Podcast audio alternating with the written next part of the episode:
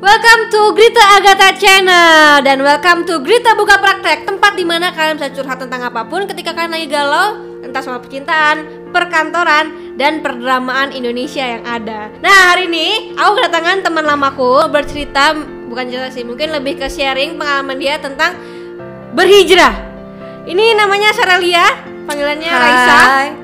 Sarel. Oh panggilnya siapa Lo ya? manggil gue siapa sih? Sarah, Sarah. Sarel. ya? Oke, jadi Sarel ini ketemu gua mungkin 5 atau 6 tahun lalu ya. iya. 5 atau 6 Lima, tahun enam lalu tahun. kita satu sinetron bareng waktu itu. Terus dulu itu lihat Sarel tuh kayak seorang yang umurnya di bawah gua tapi dewasa banget, lebih dewasa dari gua, sumpah. Bajunya nih tank top sama celana pendek. Itu kalau syuting tuh selalu pakai itu. Terus Kayak cowoknya selalu datang setiap hari ke, ke lokasi syuting Apalagi dulu di ASFM, waduh dia benar-benar nih mantap gue takut sama SFM gue. Ya sini sini gila gila gila. gila. Ada apa? Eh, eh, sumpah takut banget. Takut banget gue ada gak sih SFM ya? Oh dulu deket banget sama Bani Oh iya. Arbani Iya. Iya Ini posnya 3360 Ngerti kan? Ngerti kan gue tuh remaja labil. Kak mungkin gak pahit kakak pacaran sama Kak Bani Kenapa sih? Enggak kayaknya aku selalu punya tiga kotak pertemanan sih. Dan ada lines between every age. Satu teman. Dua teman tapi bisa jadian. Tiga lovers. Bani ya kotak pertama. Ya ilah pakai ada kotak-kotak Bener bener bener. Tapi berasanya kayak gitu tuh saat itu. Pokoknya dia tuh bener-bener ABG yang labil Remaja-remaja yang labil. Dulu kenal waktu umur 15 ya Chef? Ya 15 15 tahun. 14 15 lah. Mau bandel aja ke mobil Ngumpet-ngumpet Serius, tapi serius gue Tapi ini pengakuan loh Gue emang kan udah aku ceritain ngumpet-ngumpet Orang ke- syuting cariin dia di mana di mobil sama cowoknya. Nah, Sar, sampai akhirnya lo berhijrah kayak gini di umur lo yang 21 ya? 21. 21. Berarti Oktober baru baru sebulan lalu ya? Baru sebulan Katanya teman-teman lu bilang kalau lu kayak preman tobat gitu. Iya Hah? Jujur iya, gue Maksudnya, dipanggilnya kenapa kenapa bisa orang-orang menciptakan preman tobat? Emang preman apa dan sebandel apa dulu? Lo bisa ngejudge gue sih, Ah, gue udah. Tapi Oh, lo udah ngejudge? Barusan. Oh, barusan lo ngejudge ya?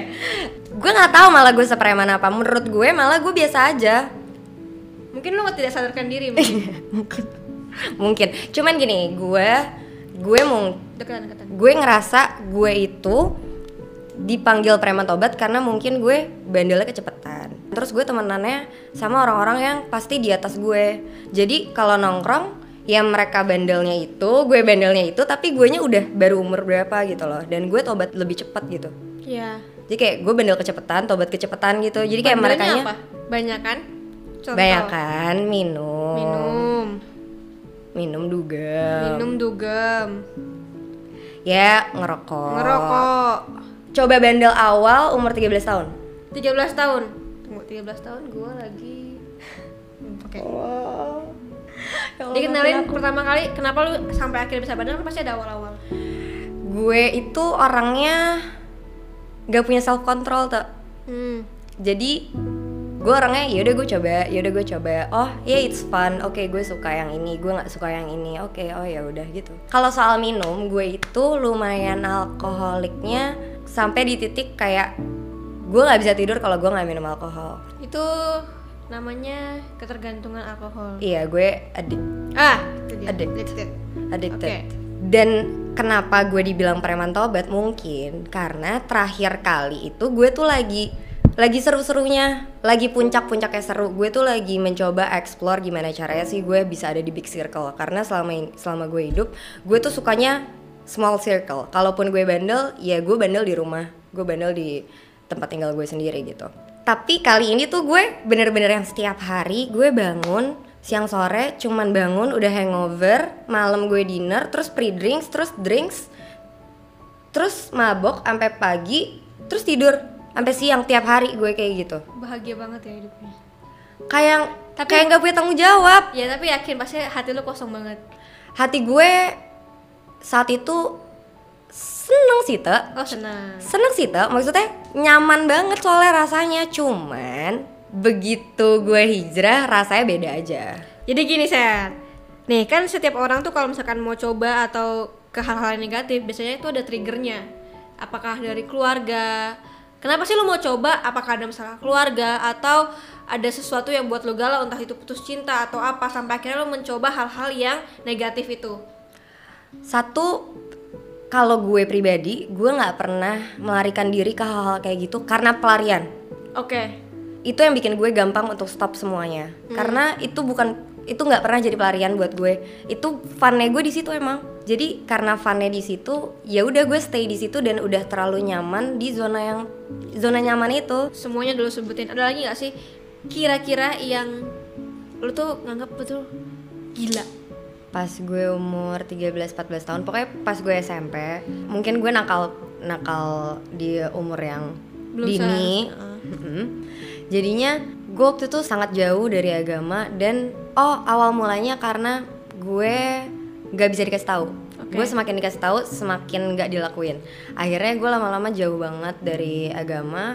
Terus iman gue juga nggak ada sampai akhirnya gue bisa dibilang gue nggak percaya agama Itu kenapa? karena gue itu berpikir secara logika jadi dulu gue tuh bener-bener mikir semuanya step by step bener-bener pakai logika padahal kan nggak bisa. Dan dulu gue jatuhnya agnostik. Jadi lo percaya Percaya adanya Tuhan. tapi tidak percaya adanya agama. iya. Oke, sampai akhirnya? Dia diagnosis uh, gue punya mental illness. Akhirnya gue itu selalu berdoa aja sama Tuhan. Dan saat itu nggak tahu kenapa gue berdoa banget. Ini kenapa nih? Gue harus gue harus apa nih? Nanti gue harus ke depannya gimana nih? Gue gimana tiba-tiba gue sholat tak padahal gue nggak pernah sholat dulu. Jadi setelah jadi dari kecil lu baru pertama kali sholat? Nggak jadi gue pas masih kecil gue sholat diajarin sama orang tua kan. Tapi di saat gue udah umur sekian gue hilang lah langsung. udah hilang udah kayak ya SD kelas 6 gitu udah mulai hilang tuh iman-iman itu. Jadi dari situ sampai berapa tahun kemudian tuh gue bener-bener nggak sholat sampai nggak akhirnya lu ibadah. di didiagnosa dan tiba-tiba lu mau sholat mau lagi. sholat karena waktu itu mungkin saat itu gue juga nggak tahu mikir gue ibadah gimana lagi selain sholat kali ya Hmm. jadi saat itu gue sholat terus tiba-tiba gue dibisikin kayak nih ini itu namanya keyakinan namanya kepercayaan lo tuh nggak bisa mikirin semua ini pakai logika dan waktu itu kan gue bisa mikir ya Allah nauzubillah min zalik banget ya gue sampai bisa kayak lo tahu dari mana sih Rasulullah itu dikasih mukjizat beneran dari Allah? Siapa tahu Nabi Muhammad itu nulis sendiri. Kita nggak ada yang tahu. Sampai kayak gitu? Sampai kayak gitu. Nah kalau misalkan ngomongin soal berhijrah itu kan baru sebulan lalu akhirnya lo memutuskan untuk berhijrah. Nah dari yang nakal banget tiba-tiba berhijrah itu apa yang membuat lu bisa oke gue mau berubah sekarang. Gue mau berhijrah sekarang. Hmm, yang paling mengetuk gue nemuin meme. Tulisannya intinya gini kalau lo bilang lo mau tobat tapi lo mau bilang tobatnya besok kalau lo mati ya sekarang gimana? Apa perbedaan signifikan antara dulu lu nakal pakai tank top pakai celana jeans pendek sama sekarang yang semua harus tertutup rapi tidak boleh ada sedikit pun? Dari hati sendiri lebih peaceful lebih peaceful. In physical in physicalnya nggak banyak catcalling.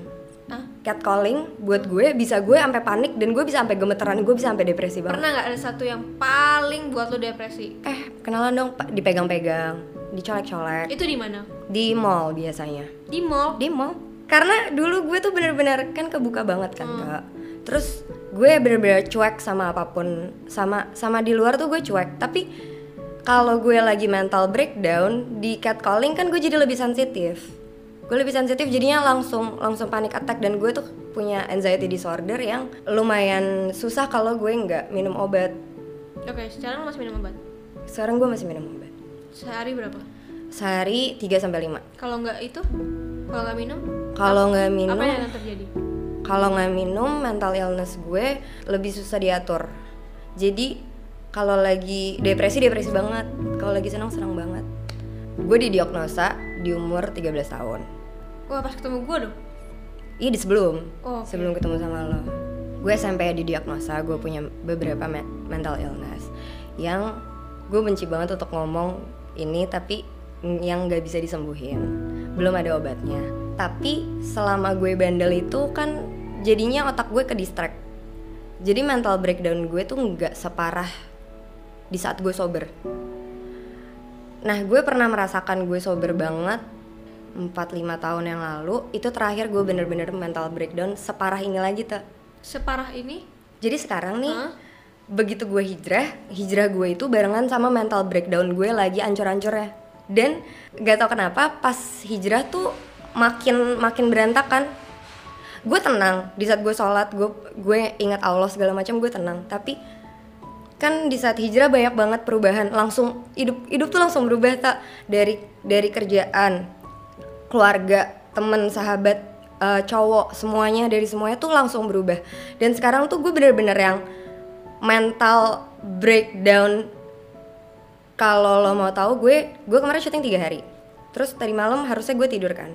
Gue tidur tadi malam satu setengah jam malam sebelumnya gue tidur satu jam. Malam sebelumnya gue nggak tidur. Malam sebelumnya gue tidur cuma tidur dua jam. Itu karena penyakit lo. itu karena penyakit gue. Dan gue nggak bisa minum obat terlalu banyak di saat gue besoknya syuting. Karena? Karena takutnya gue terlalu ngantuk tuh jadi gue nggak bisa fokus sama dialog gue. Gue kan pengennya kalau gue syuting tuh ya gue udah seger dialog dialog semua udah hafal segala macam gitu. Nah itu gue. Jadi kalau kayak misalkan kayak tadi gue berangkat ke sini harusnya tadi gue nelennya dua pills tapi tadi gue satu. Makanya gue muter ada berantakan dan otak gue jadi berantakan sekarang. Teman-teman dekat lo nih pernah nggak sih kena dampak dari mental illness lo? banget. Ada sih pasti beberapa temen yang pernah ngelihat gue berantakan. Berantakan tuh kayak gini loh tak gue tuh bisa dengar orang banyak orang ngomong di kepala gue. Padahal nggak ada orang. nggak ada. Oke. tapi gue denger. Tapi beneran ada suara bukannya gue halu dan itu kan bikin kadang-kadang ini suara yang mana nih yang mau gue denger? Apa apa suara diri gue sendiri yang mau gue denger? Itu aja gue belum punya self control untuk itu gitu. Waktu itu gue pernah lagi di Taichan goreng di Senayan. Wah enak. di Taichan goreng Senayan tiba-tiba mood gue turun drop. Terus gue langsung ke mobil gue langsung ke mobil cari obat gue. Gue mau menenangkan diri ternyata gue nggak bawa obat. Itu kan saat itu Taichan goreng tuh masih yang di kanan sama kiri. Ah. jadi di kanan tuh yang penuh banget kan terus yang mobil di tengah-tengah jalanan gitu. Itu gue ngetin sem- semuanya biar teman gue balik ke mobil. Itu semua tukang parkir segala macam tuh udah datang ke mobil gue gue nggak bukain. Karena gue tuh manggil doang. Manggil temen lo. manggil teman gue tapi gue tuh bukannya nelpon. Karena otak gue mungkin gak bener saat itu. Jadi gue tuh cuman neken klakson terus sampai teman gue balik Terus temen lo akhirnya balik nggak? teman gue balik Terus? terus nanya kan gimana bla kenapa bla bla bla terus masuk gue mau pulang bla bla bla bla bla." gue udah teriak-teriak temen gue udah yang kayak udah udah diem tuh udah pada diem gue mau pulang gue mau pulang gue mau ini gue mau ketemu sama ini gue mau ketemu sama ini dah gue nyampe apartemen ada kakak gue jadi dulu gue tinggal sama kakak gue itu gue disuruh menenangkan diri di kamar eh, cuma dikasih satu eh, dikasih satu pil sama kakak gue dikasih satu pil terus gue disuruh nangis doang di kamar itu kamar berantakannya nauzubillah min dzalik. mereka capek Pergi. Atau ada orang yang pergi pernah ada orang yang pergi kalau tadi kita udah ngomongin tentang masa lalu dan sekarang pun juga sekarang kita ke tentang ke hijrah dan berhijab.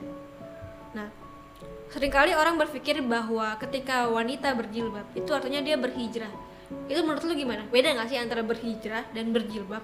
Kalau gue pribadi sendiri, menurut gue beda karena gue sendiri ngerasanya gue itu hijrah dari April 2019 tapi yang gue bener-bener mantepin diri gue oke gue kali ini gue udah berjilbab gue nggak boleh buka-buka lagi itu baru di Oktober gitu Berarti menurut lu berhijrah dan berjilbab adalah beda. beda Oke, kalau berhijrah, berjilbab bisa hijrah tapi hijrah nggak mesti jilbab oke.